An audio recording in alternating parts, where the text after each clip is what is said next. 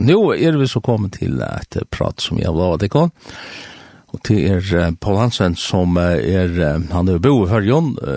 og ja, han tåsar, tåsar förrest, men ta i ett tåsar vi han. Och inte å ta igjen til talar så, så tåsar han enskån. Och det er nega vi att det er torsført å finne år ganske av hørskånd der man ikke bor her til dagligt. Eh, det som er vi Paul er til at han er en bøybelærare av Guds nøye, og en formidlare av Guds anda, må man så eisen sier. Eh, jeg var vidtja i Tei nere i uh, Sur-Afrika her i september måned, og um, ja, her fikk jeg så eisen oppleva helt fantastisk ting. Men uh, nu har vi så hör vi att uh, uppleva det i förrjun eisne, ikke bare uppleva, men eisne att høyra. Og det er uh, møter som er oppe i glede på her som er annars dagliga, eller vikliga, må man så sier. Kan jeg møte til uh, inni av Tjatla 35, det som uh, atlas her til det.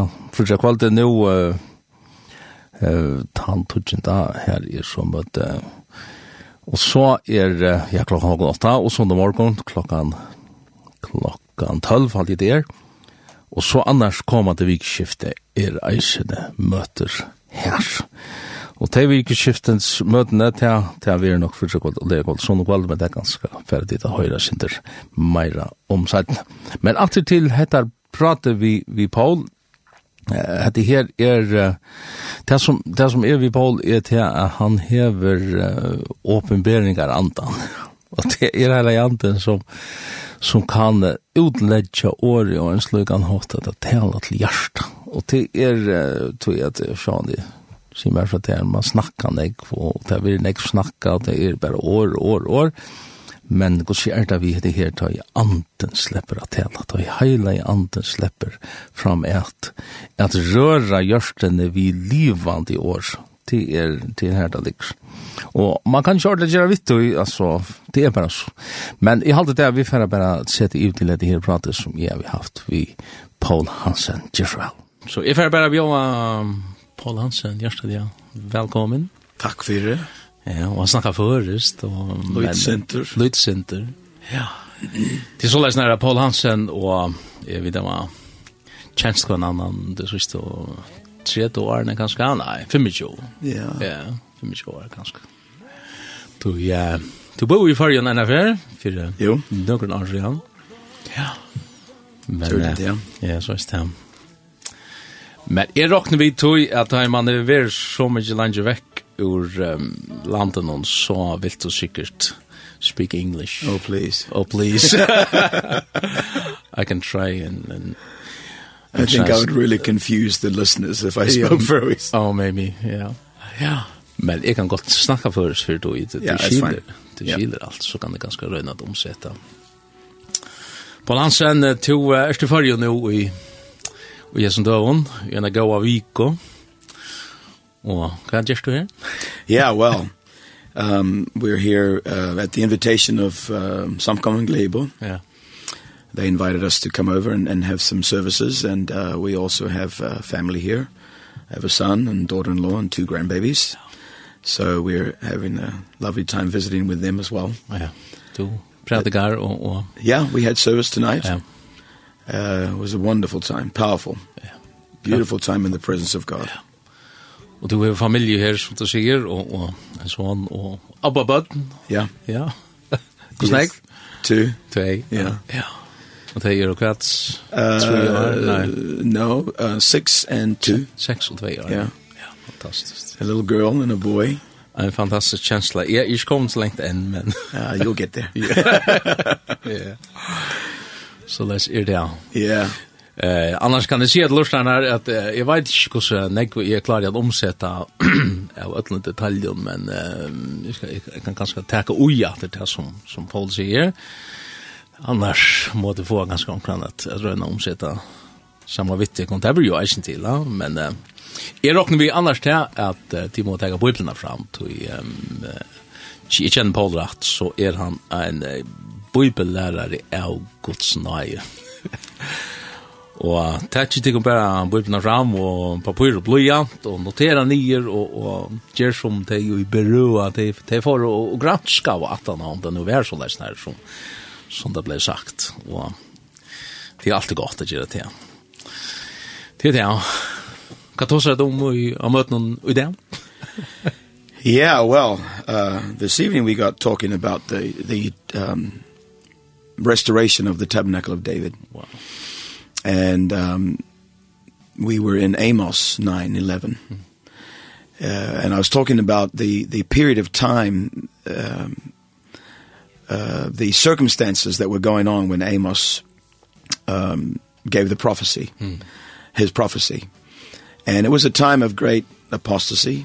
Yeah. Uh, the church that I I call it the church because I'm I'm relating it to today but the nation of Israel as a whole uh, Israel and Judah they were they were far removed from God mm.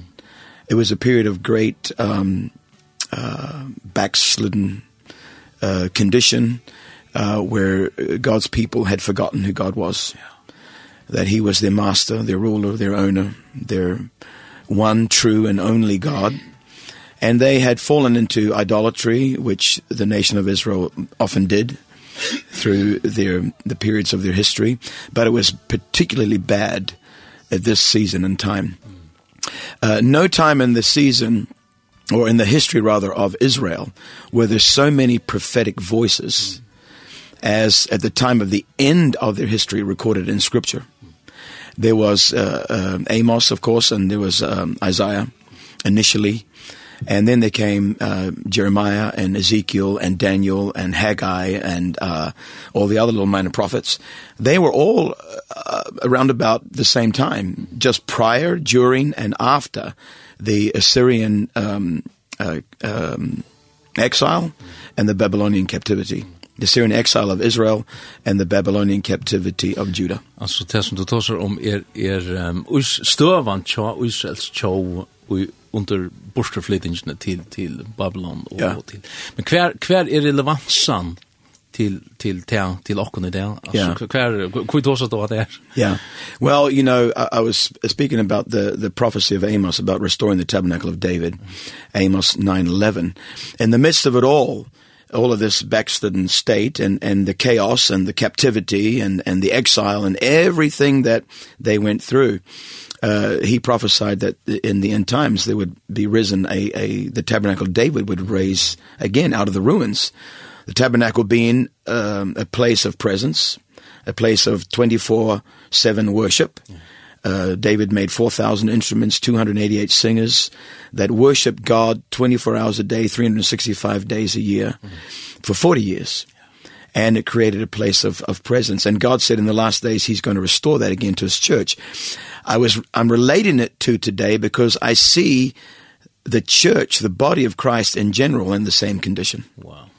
I see a, a very lukewarm, which is it's uh you know uh, recorded. It's it prophesied it would be that way in in the end times. But it's also prophesied that there would come a great awakening. The 10 virgins must wake up. And even though they were all sleeping uh, there was a voice that awakened them and and and caused them to be aroused. And so um i believe we are in that season where there is a voice.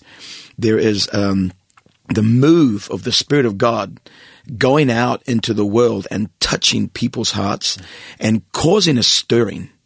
And and some people don't know what that stirring is. They don't really know what they're feeling. Mm. But they they're sensing a new hunger. Yeah. A hunger for God that they have not known before and maybe they did know it before but they've lost it. And it's like it was with the children of Israel when when they were taken into captivity because of their condition.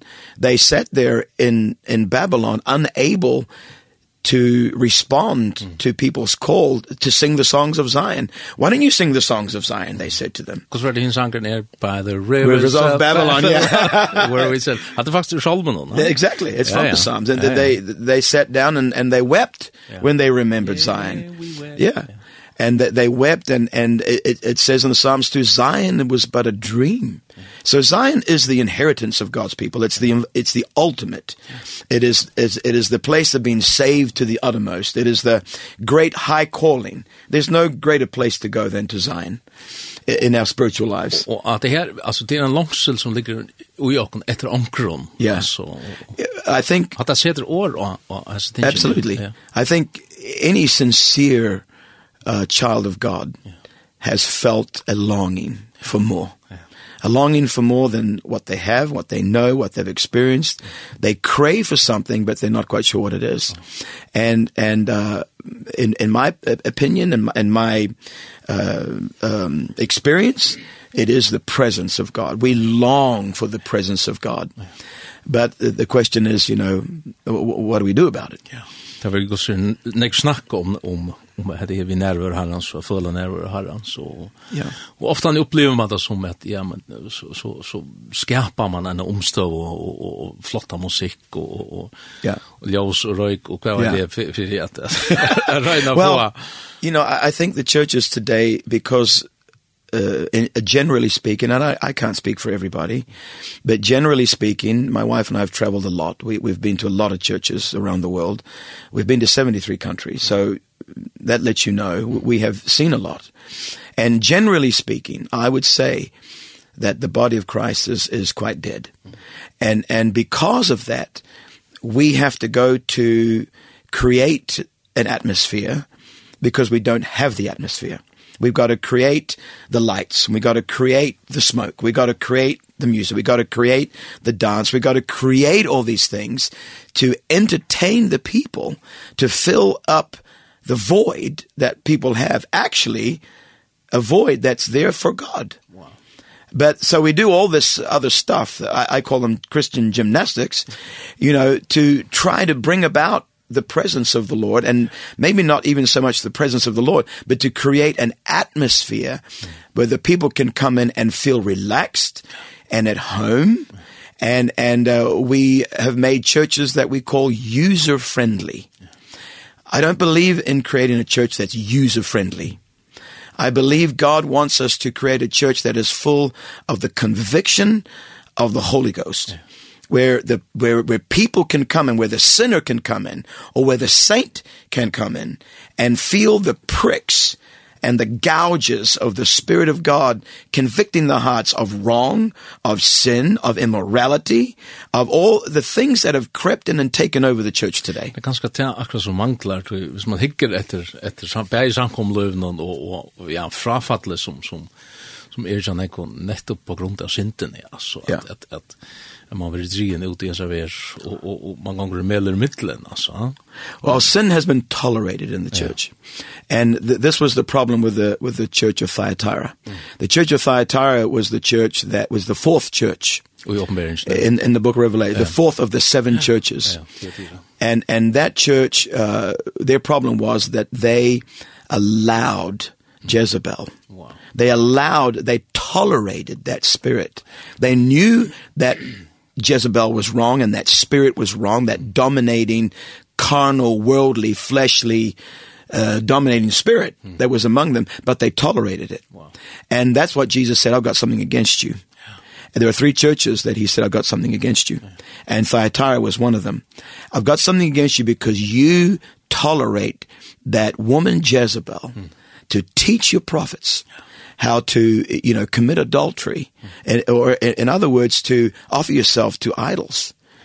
And, and, uh, and, and I, I watched this in the church today. The, the church has become full of idols and our our doctrine has become our idols. Mm.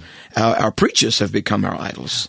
Our our philosophies have become our idols. Our our programs have become our idols instead of, you know, going back to the simplicity of searching for and longing for the glorious presence of God.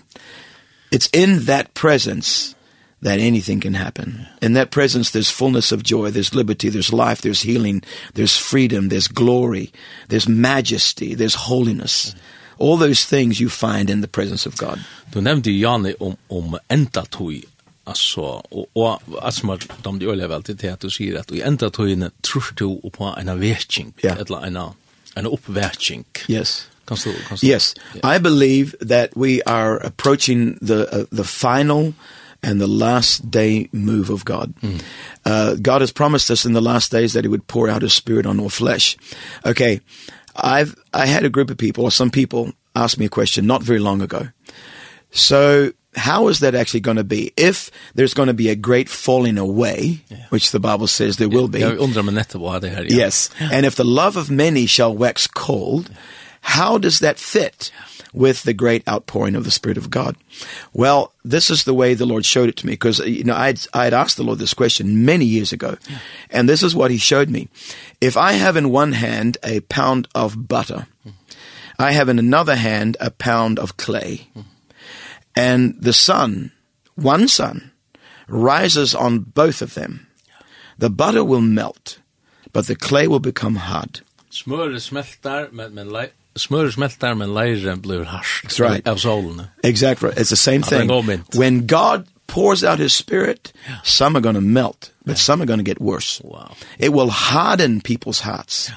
But it will soften other hearts. Yeah. So there there'll be again this great divide of of those who are willing to lay down their life and give it all for God and those who are who are rising up in their rebellion and their obstinacy against God. Mm. So this great outpouring of the spirit of God on all flesh is going to create one of the two. Wow. In the hearts of people yeah. depending on what your heart is made of. Yeah.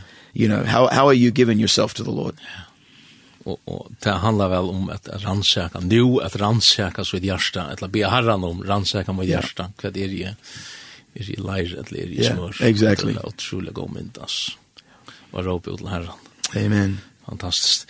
Jeg, jeg glemte faktisk att du Janne og det er en introduktion som kanskje vi ikke snakker sånn jeg om Jeg vet at, at det er nekre lustar som lustar etter disse sendingene som ganske er og i en alderspalt fra som var ung i halvfjersen og de kjente pappa din. Ja. Kunne du lykke? Jeg vet ikke hvor jeg kom til meg i bare nå, men... Yeah. well, my, my dad was, he loved this country. Papen min, ja, ja, ja. Willie Hansen senior. Willie Hansen, ja, till till han som Lucas ska ska komma in på. Paul är alltså sonen till pappa son Willie Hansen som flat det ha a wedding möte här i Alfjersen i Evangelius. Yeah, he was in Evangelius. I, I remember coming with him in one of those trips to Evangelius wow. and and uh, uh, seeing him in action uh, in those days. There was a great revival that took place here. There was a, a Faroese uh, pop group. I don't know the name of the group, but at least they were around in those days. Yeah. And they made a song about Lily Lily Hansen, yeah. and I, I don't, I don't know, remember the words of it, but I do remember one of the phrases in, in that song was, you know, they were, uh, the hospital beds were emptying out because yeah. so many people were getting healed. Yeah. And uh, my dad had a tremendous gift of, of healing and word of knowledge and prophecy. Matter of fact, at, at the service this evening in Glebor, there was a, a, a sister who came to me. I don't know her And she said, I had to come when I heard you were here because your father had a word for knowledge, uh, a, word, a word of knowledge for me years ago that actually changed the course of my life. And I'm still here today because of that word of knowledge. So she said, I honored your father, so I thought I better come and honor his son yeah, too. Yeah, yeah. So, uh, yes, he, he had a, a, a great time here. Yeah. Han bor ju här i 10 months or something yeah, I think yeah. he came here. Yeah. And uh with with uh, my stepmom and yeah. two half brothers. Yeah.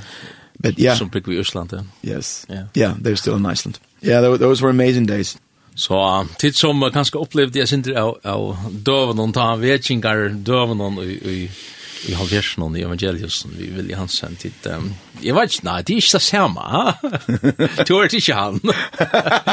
Men allugavel, jeg vil si at, at du hever et avvist, helt spesielt salvelse. Thank you. Særlig i året gods, men eisne i, i deliverance, altså utfrøyngar til annars og, yeah. og, og, og grøying og sånt, men det var ikke akkurat handa min i alle affærer og alt, men vi kan lukka nevna det, og vi får bo i farsen Men det kommer väl av att att ta man livet, att EU ger till Herren. Ja, yeah, amen.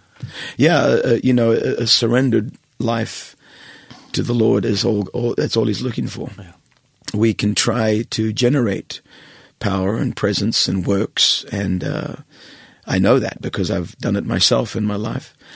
But when you surrender and you give your your life and your heart to God and you allow him to be who he truly is, the creator of your existence and the one who has the purpose for your existence.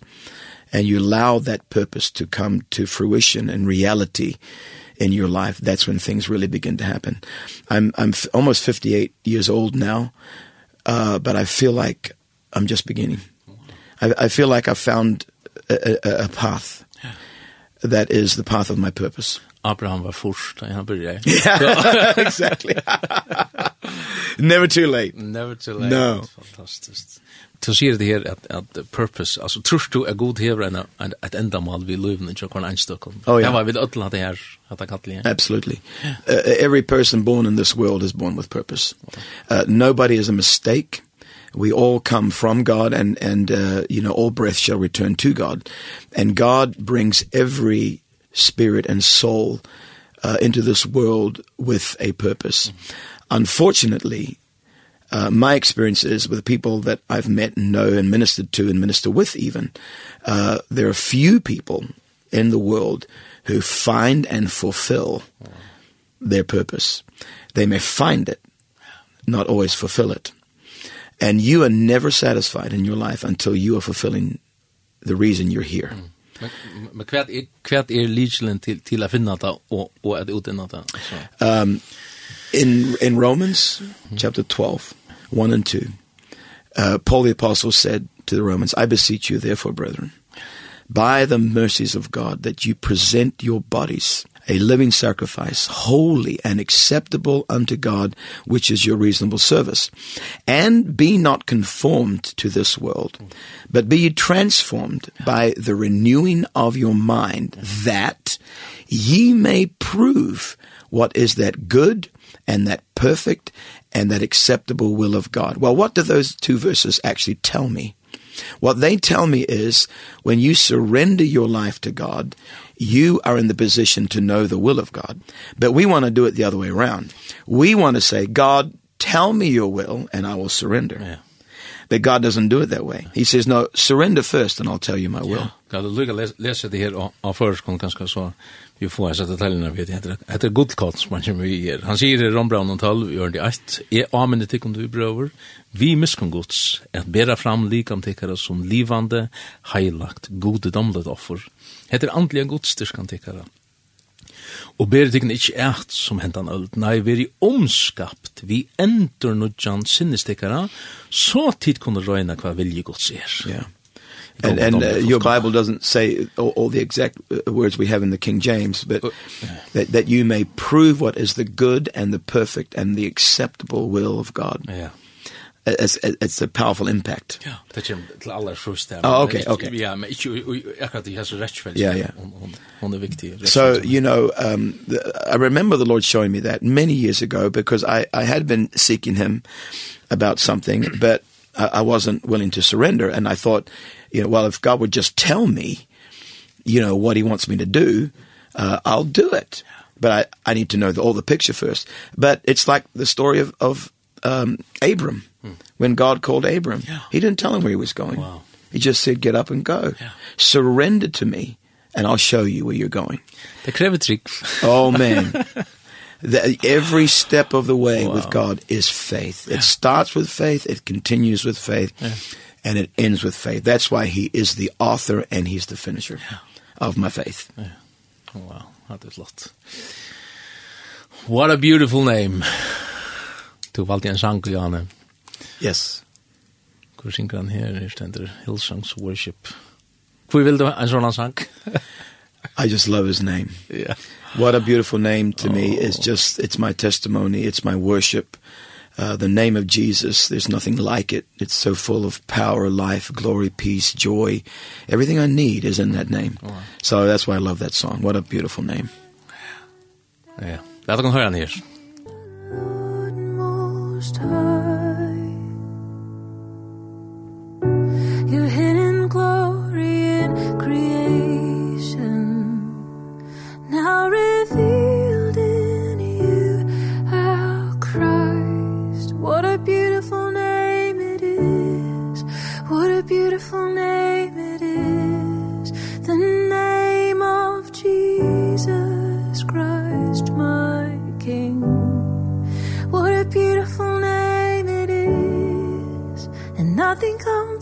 to this What a beautiful name it is. The name of Jesus.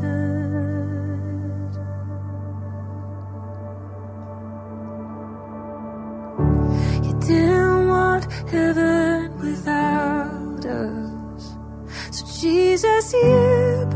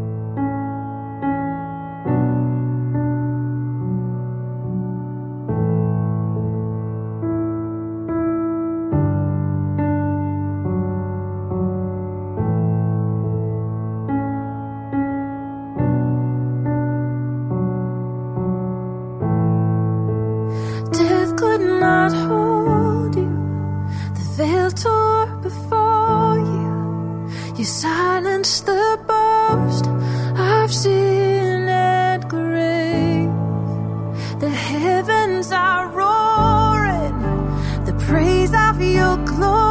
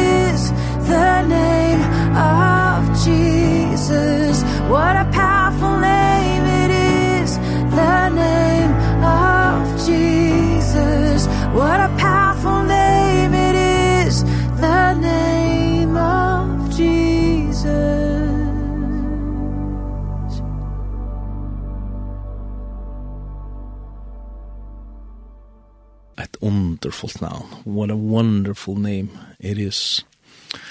Fantastisk sanger, eisne.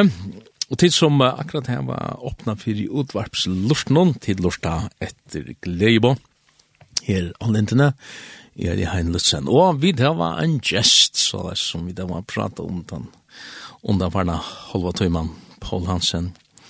Du er til den. I'm so here, yes. ja. Vi der var snakka fantastiskt, og godt som om, ja, ut fra fra Amos, her du nevnte om det her tabernakle, tabernakel Davids, yeah. her han tåsar om. Og, og det som har dømt det så øyelig vel, det var det du tåsar om, at, at, at det her relaterer seg til det hovedtætje som du tåsar om, av seneste døven. Yeah. Altså, og, og, og er vi der, altså? Jo, yeah, we're there uh, we are definitely in the end times. So there, there's, there's, no, there's no question in my mind. When you uh, see the prophetic words uh, being fulfilled before our very eyes as far as, you know, both the ecological world, the financial world, the political world, all of these stages are being set for the final day.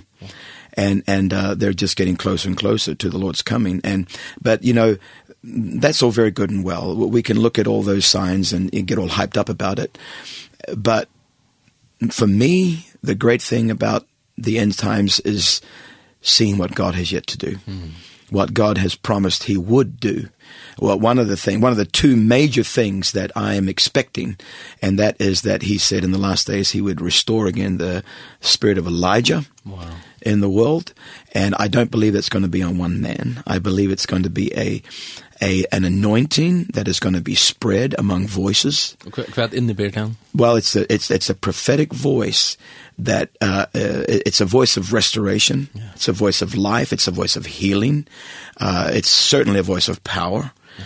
And it's a voice that's going to call God's people back to God. Yeah and and uh that's what Elijah did in in, in his days in, in his day. He Han spurte kvar jeg så ju vill jag det vill That's right exactly. Bokstavligen That's right. Vil jag det tärna Yeah. And so that's one thing. And then the other thing is the restoration of of David's tabernacle. And uh it's uh, Amos 9:11 is quoted again in in Acts chapter 15 by James yeah. in that great day when the council in Jerusalem came together and James the brother of Jesus who was the pastor in Jerusalem at the time he uh stood up and he quoted Amos 9:11 that in in the last days you know the tabernacle of David would be raised again so that the residue of the gentiles upon whom the name of the Lord was called would be brought in or or the remnant of the Gentiles that had not yet heard or received Jesus Christ that they would be uh, gathered in at, at, at the last hour. Forningen er om vi skulle lese det her først, kan få alle årene vi. Han sier her nemlig i Apostlesøvne 15 fra, fra ørende 15, det er samband vi at det tås om, om hetningarna om det skulle bliva jøder eller omkjøres alt det. Men, men så sverar Jakob her, vi hettar ørende 15, vi hettar samsværa år profetarna som skriver er, etter hetta skal det komme attor, og ender reisa fallno Tjalbo Davids. Ja, tofter henne skal det bygge opp, og reisa henne opp attor. Fyre at lavden av menneskjon skal søtja herran. Atler hetningar som navn mot er nevnt iver, sier Herren som gjer hettar. Yeah, so that's powerful. Wow. Those words are so powerful. I just yeah. get, you know, get chills all over me when you read them and uh, they're they're just so packed yeah. with dynamic truth. Uh, you know, that the Gentiles whom my name has been called over, the people whom God has, has chosen already, called and chosen from eternity past, they have not been reached yet. Mm. This tabernacle must be raised up in the end time for the end time gathering yeah. to come in. So we have yet to see that. And the tabernacle of, of David was such a phenomenal place. Just for, to give the listeners a little bit of a, a history, in the days of Eli, the priest, uh, the Ark of God was in the tabernacle of Moses in Shiloh, and his sons were backslidden. They were basically heathens. Mm. But they wanted to win a battle against the Philistines. So they took the ark, they went to to fight thinking, you know, if we have the presence of God with us, we can't lose. Yeah. In other words, they abused the presence and the authority of God. They, they misused it. Hello. exactly same thing going on. The church has done the very same thing. Abused wow. the power, the presence, the glory, the gifts, the Spirit of God. Abused them for their own gain so that they can become something. They can become famous, wealthy, great, big churches. Wow. Yeah, yeah, yeah. And so it didn't work. The Philistines took the ark, took it to their, put it in their um, uh, temple of Dagon. Anyway, make a long story short, Dagon fell down before the ark of God, even an idol falls down before God. Oh, wow. And they send it back to Israel, and for 70 almost 70 years the ark of God remains in the house of of of Abinadab. All the 40 years of the reign of King Saul, there was no presence. Mm. There was the tabernacle of Moses, it functioned. They did all the feasts, they did all the ceremonies, they did all the religious activities. But you see, that to me is a picture of the church today. Yeah all the religious activities still go on. We have a Sunday morning, we have a Sunday night, we have a Wednesday prayer meeting, we have our programs, we have our youth, we have our sing song, we have our worship, we have we have everything going on, but no ark. There's no presence. yeah. It's somewhere on the hillside. Oh. There in Gibeon, yeah. you know, with or Gibeah with uh, with Abinadab. Yeah. Well, not until David comes along all those years later and he says, you know, people, we got to do something about this. Mm. And he gets the vision of establishing a a temple or or a tabernacle, a tent, right on the midst of Mount Zion where God said, that's where I want to dwell. That's where I want to put my name. And he brings the ark back uh to the people of God and establishes you know 24 hours of worship unto the Lord. God's people have got to come back to the place where his church is his throne room. Mm. Where he sits in the midst of his people as God. Yeah where he is the God of his own house. Where where where when we go to the house of the Lord or live our lives because we are the temple of of God. that we are are seeking to ask him what do you want? How do you want this service? How do you want us to conduct ourselves? How do you want us to live our lives? Kan man bliva så ledd så så så utöchliga alltså oh, absolutely. Till, alltså. those who are led by the spirit of god are the sons of god wow They are the ones who are chosen to walk that sonship journey. Yeah. And God wants a people who are led by his spirit, live in his spirit. I'm not talking about religious fanatics. No. I'm not talking about people who have their heads so high in the cloud, you know, that they're not good for any earthly thing. I'm talking about people who are in this world but not of this world. Yeah. They understand this the world they live in, they communicate in the world they live in, but they're not of this world yeah. that they live in. Yeah. They are removed from it. Yeah They are separated from it. Uh, they belong to another kingdom. There's another dominance that rules over their hearts and their wills. Og kvar kvar er det alltså. Ja.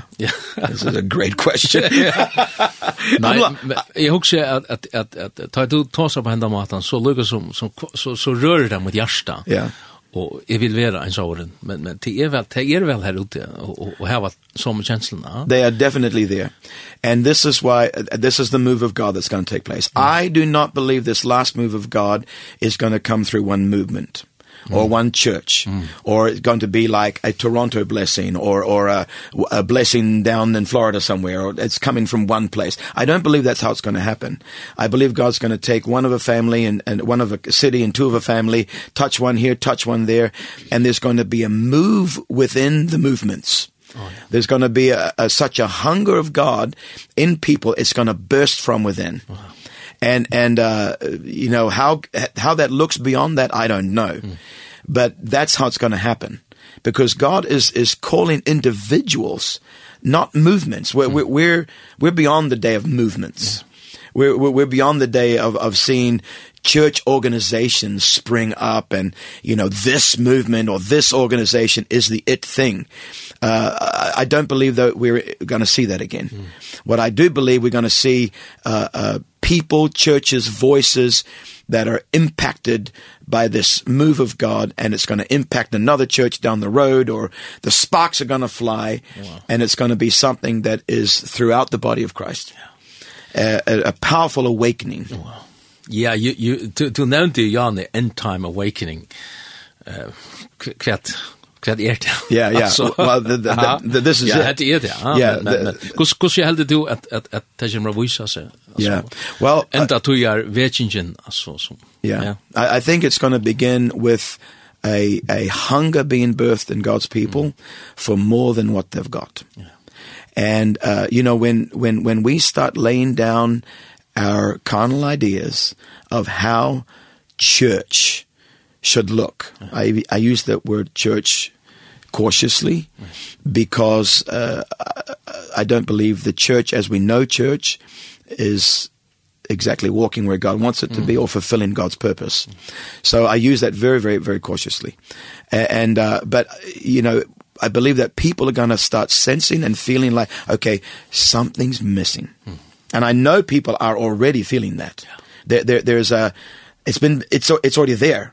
So people are starting to question, okay, what's happened? Where have we gone wrong? There's a scripture. Let me read it for you. Uh, it's in First Chronicles chapter 13 and verse 12. This is this is talking about the day that David tried to bring the ark back mm -hmm. to Zion the first time. He tried to bring it back, but he tried to bring it back the wrong way. He yeah. did a wrong a, a good thing. Yeah. Uh the right thing, but he did it the wrong way. Yeah. And he put the ark of God, brought it out of Abinadab's house, put it on a new cart. Okay. To me, that's that symbolizes the church today. We have created all the new things. Wow. The new this, the new yeah. that, the new oh, we have a new move. Yeah. Well, what's wrong with the old? You know, we have a new thing going on. Right. Well, we've got a cart with four wheels and we've put the the presence and the glory of God on that cart and we're trying to bring it back into its rightful place. Yeah. Well, fyrir grunn 13 gjør det tjei, tar sjette no ørskots av nudjan vagn og foro vi henne ur huset Abinadabs. Right. Ossa og Ayo sturde vagn. Yeah. And then the, the oxen shook, shook the ark of God yeah. and Uzzah, you know, put his, his hand out. Most people will know this story. Yeah. yeah. And, and uh, God was very upset because you don't need to help God. Mm. God wants to help you. Yeah. But this is what we do. We think we need to help God. Yeah get his business done. We need to take our hands off of the presence of God and let God's presence be who it is, but not on the new cart. Mm. So then David was very very upset with God that day. And in verse 12, this is this has become my theme, my theme in my personal life. Yeah. David was afraid of the Lord that day, and he said, "How shall I bring the ark of God home to me?" Mm. Wow, what a question. Yeah. Is this not what people are starting to feel? Yeah. We have tried with our programs, with our churches, with our concerts, with our you know whatever we've done. Yeah. Uh, you know with our conferences and with our all sorts of things we've tried to bring the ark of God back and we've tried to stay the ark and hold on to it so it doesn't shake itself and doesn't fall over we need to help God so much and God's like sorry it's not going to happen like that so It's birthed in people's hearts. How shall I bring the ark of God home to me? I ask the Lord this question every day. How shall I bring your presence back? Och vad var? God gave David the answer. And the answer to David was, you have got to get the Levites. My people must become a priesthood. Sanctified. You've got to sanctify the priesthood. Wow. The, the, the priesthood are the ones that are set apart unto God. Mm. God's presence is not going to come back carried on the shoulders of sin. Mm. Carries on the shoulders of filth and corruption mm. and and carnality and wilderness. It's not going to happen. Yeah. Trust me, it will not happen. It is not the will of God. Yeah. But God told David and David told the people, only the Levites the, the priesthood that I have sanctified unto myself, they must lift up the ark and carry it on their shoulders. Not until there are people who are raised up, who are willing to be purified and set apart unto God and feel the weight of the presence and the glory of God on their shoulders. Then we will find the ark of God and the presence of God coming back. Og, og, og er hans falskene i det? Well, I believe it's anyone he wants to be. Uh, Peter said in 1 Peter chapter 2, he said, you are a chosen generation, a royal priesthood, a holy nation, a peculiar people. Why? That you should show forth the praises of God. Tabernacle, David, yeah. worship. And and God's people, we're all called to be priests. Unfortunately, there are few people who pick up the priestly garments and allow themselves to be separated unto the, unto the Lord in that manner. But the whole nation, he said, you are a chosen generation. Or in other words, you are a people I've, I've pulled out. I've drawn out unto myself. God's people, we are called to be a people of priests, royal priesthood, holy people, peculiar people, yeah. you know, a, a, a, a treasure unto God for the purpose of showing forth the praises. In other words, uh, uh, creating a place of presence, creating a habitation for God. I, I love the, the words that um, they sung when they crossed the Red Sea. Mm uh, with Moses, and they came to the other side, and Miriam took a timbrel, and they sang the song of Moses. I will sing unto the Lord, for he has triumphed gloriously. The horse and the rider, he is shot into the sea. Uh, the Lord is my strength and song. He is become my salvation. He is my God. I will prepare him a habitation. I will prepare him a place of presence. And there's only one place we can prepare him. And God says, I live, I dwell in the praises of Israel. So, yes. Hasen, hasen lovsongren, hasen her lovprusingren, altså, hva er det kjenner han? Hva er det som ikke kjenner han den lovprusingen? Well, uh, uh, worship since since he yeah. dwells there. Yeah, exactly. Så han han han bor i lovsång yeah. som det fallet. Vad är det vi gör gal nu? Right, right. We are we are all we okay, people I'm sure they're listening to this program and and others most of us probably belong to a church. Yeah. I'm uh, my my wife and I we we pastor a church. Yeah. So, you know, I'm not anti-church, okay? Mm. Cuz you know, I have a church. Yeah. But in our church services, we all have a period which we call the worship service. Mm. Unfortunately, a worship service is not necessarily worship. Uh, we can sing a song, it's not necessarily worship. Worship is something that is birthed from the heart. Worship is something the word worship in in in Hebrew it actually means to bow down. Yeah. It is a bowing of the heart. It is a bowing of the will. It's a bowing of the mind before the will and the presence and the glory and the majesty of God. In other words, it's, it's allowing God to be who he is. God. Hmm. And this is true worship. And God wants this worship in not in a 20 minute program on a Sunday morning but that our lives be 24/7 houses of worship unto the Lord where we are constantly bowing to the will of God. Og det er altså einstaklingren vi tar som, ikke, ikke nødvendigvis fjölten. Absolutely. Yeah. I'm wow. talking about the individual living wow. a life where we are conscious, where we are, are consciously aware of the presence of God. This is what was wrong with the Laodicean church, which is the last day church age. Yeah. Yeah. The Lord said to them, you don't know In other words, you are not aware. You are unconscious of the fact that you are wretched, miserable, poor, blind, and naked. Now that takes a lot of unawareness not to know that you're blind and not to know that you're naked.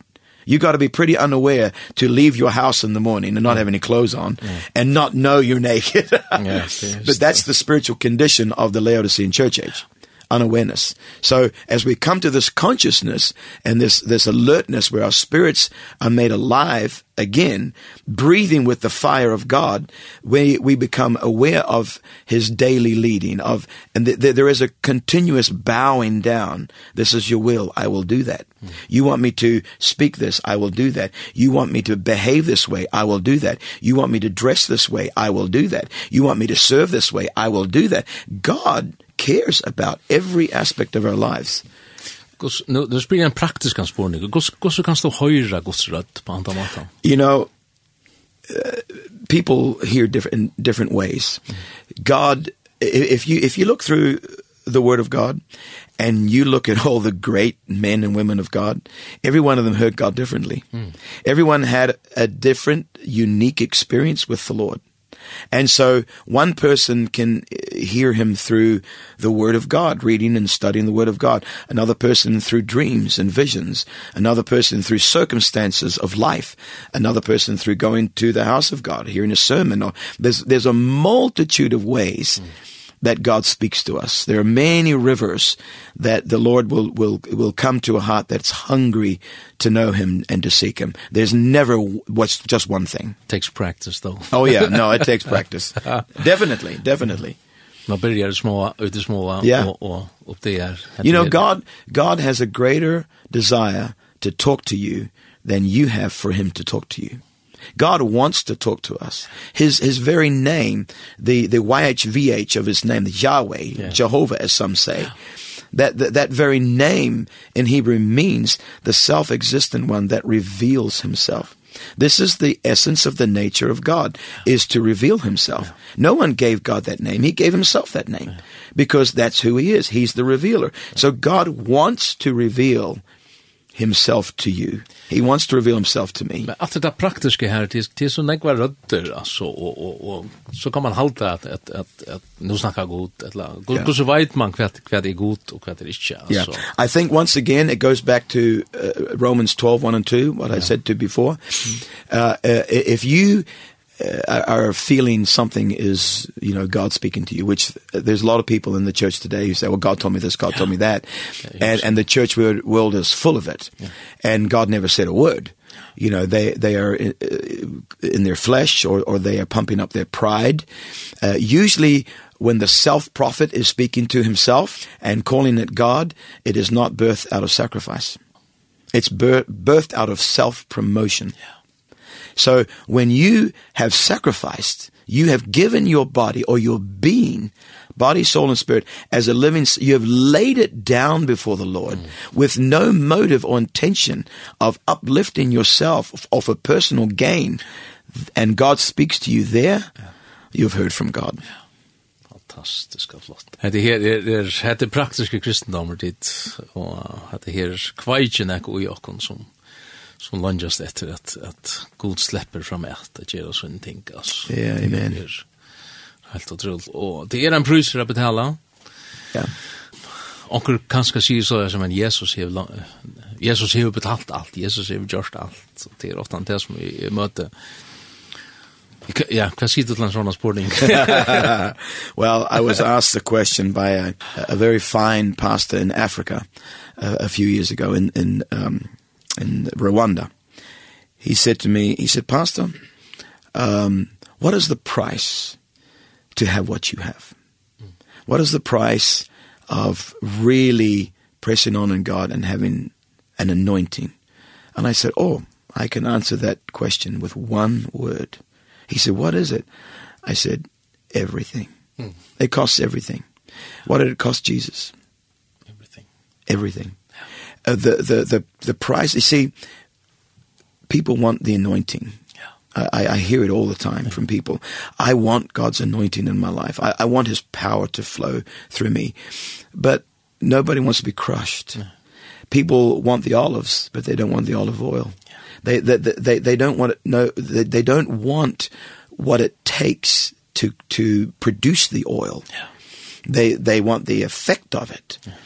But to have a true anointing of God on your life and have the Spirit of God move on you and move through you, you've got to be crushed olives. And God will put you in the winepress. Don't ever say to the Lord, oh God, anoint me, anoint me, you know, or, or I can't put an anointing on you. Hmm. I can anoint you. Yeah with oil i can lay my, the presbytery can lay hands on people and impart even spiritual gifts but you know you can have spiritual gifts but no anointing yeah. You can sing and have no anointing. You can preach and have no anointing. But for, to have those gifts flow with the anointing, the power and the presence of God, a life has got to be broken. Wow. God moves through broken vessels. He moves through crushed vessels because it's through the cracks of brokenness that he spills himself out. Wow. Og så så spyr jeg vid kvui god, kvui hettar, yeah. kvui hitt. Yeah. Det er god som renner av Absolutely. Ja, men uh, vi lunges etter oss nær. Amen. Etter oss salvelsen nær. Definitely.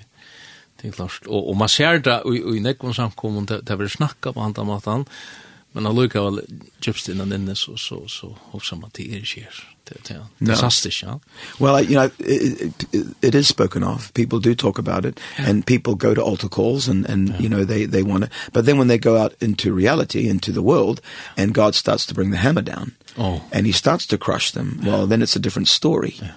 Because it's out there in life. It's not in church where God breaks you well, yeah, he, he can. You can be broken through the ministry or whatever. But it's, it's through your daily life. And, and that's where God's hand comes and he creates circumstances and with people in your job and the traffic and the store or wherever it may be. God will use something to break you. Jag ser folk som, som ganska sitter och lustar nu och, ganska haft en, har haft den där spåren har Hvor händer hettar och hvor händer hitt, hvor är allt så övåt och hvor är det som omöjt mot löver i. Ja. Det är ett ändamål. Definitely.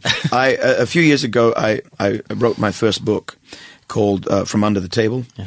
And it was a book about the the story of the early years of my life. Yeah which were were very painful. I was I was abused as a child. On er forresten å finne Amazon hvis du finner her. Yes, from from, from Under a Table by Paul M. Hansen. Yeah. And uh you can buy soft softback or Kindle version. But um uh, in that book, I, I wrote a chapter on, the, on wounds and scars. There's a difference between a wound and a scar. A scar is something that has happened to you that's been healed. Yeah. The evidence of the, of the experience is there, mm -hmm. but it's healed. Yeah. A wound is something that is, is still open.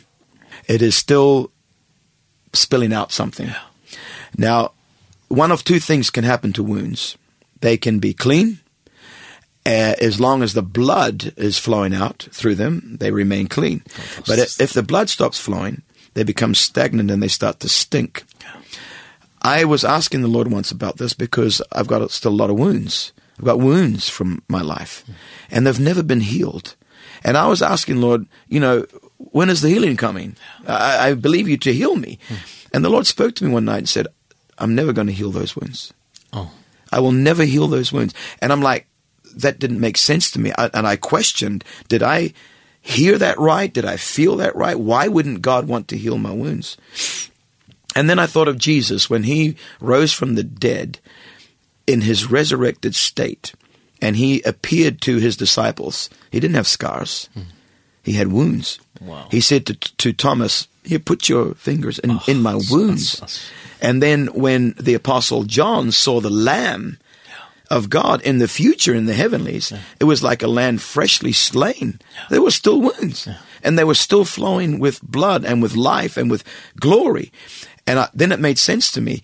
God has given me these wounds and as long as he in me hmm. is flowing through my experiences. Wow. They can go out and reach and touch somebody. Yeah. But so many times we allow our wounds to become full of of um infection. Yeah and our words are bitter and we're angry and we're hateful of where we have come from and what we've gone through. So our wounds stink. Well, that was the change for me. I said, okay, God, take my wounds. I want them cleaned up. And everything you have put in me of who you are and what I've learned from who you are flow through those wounds. Mm.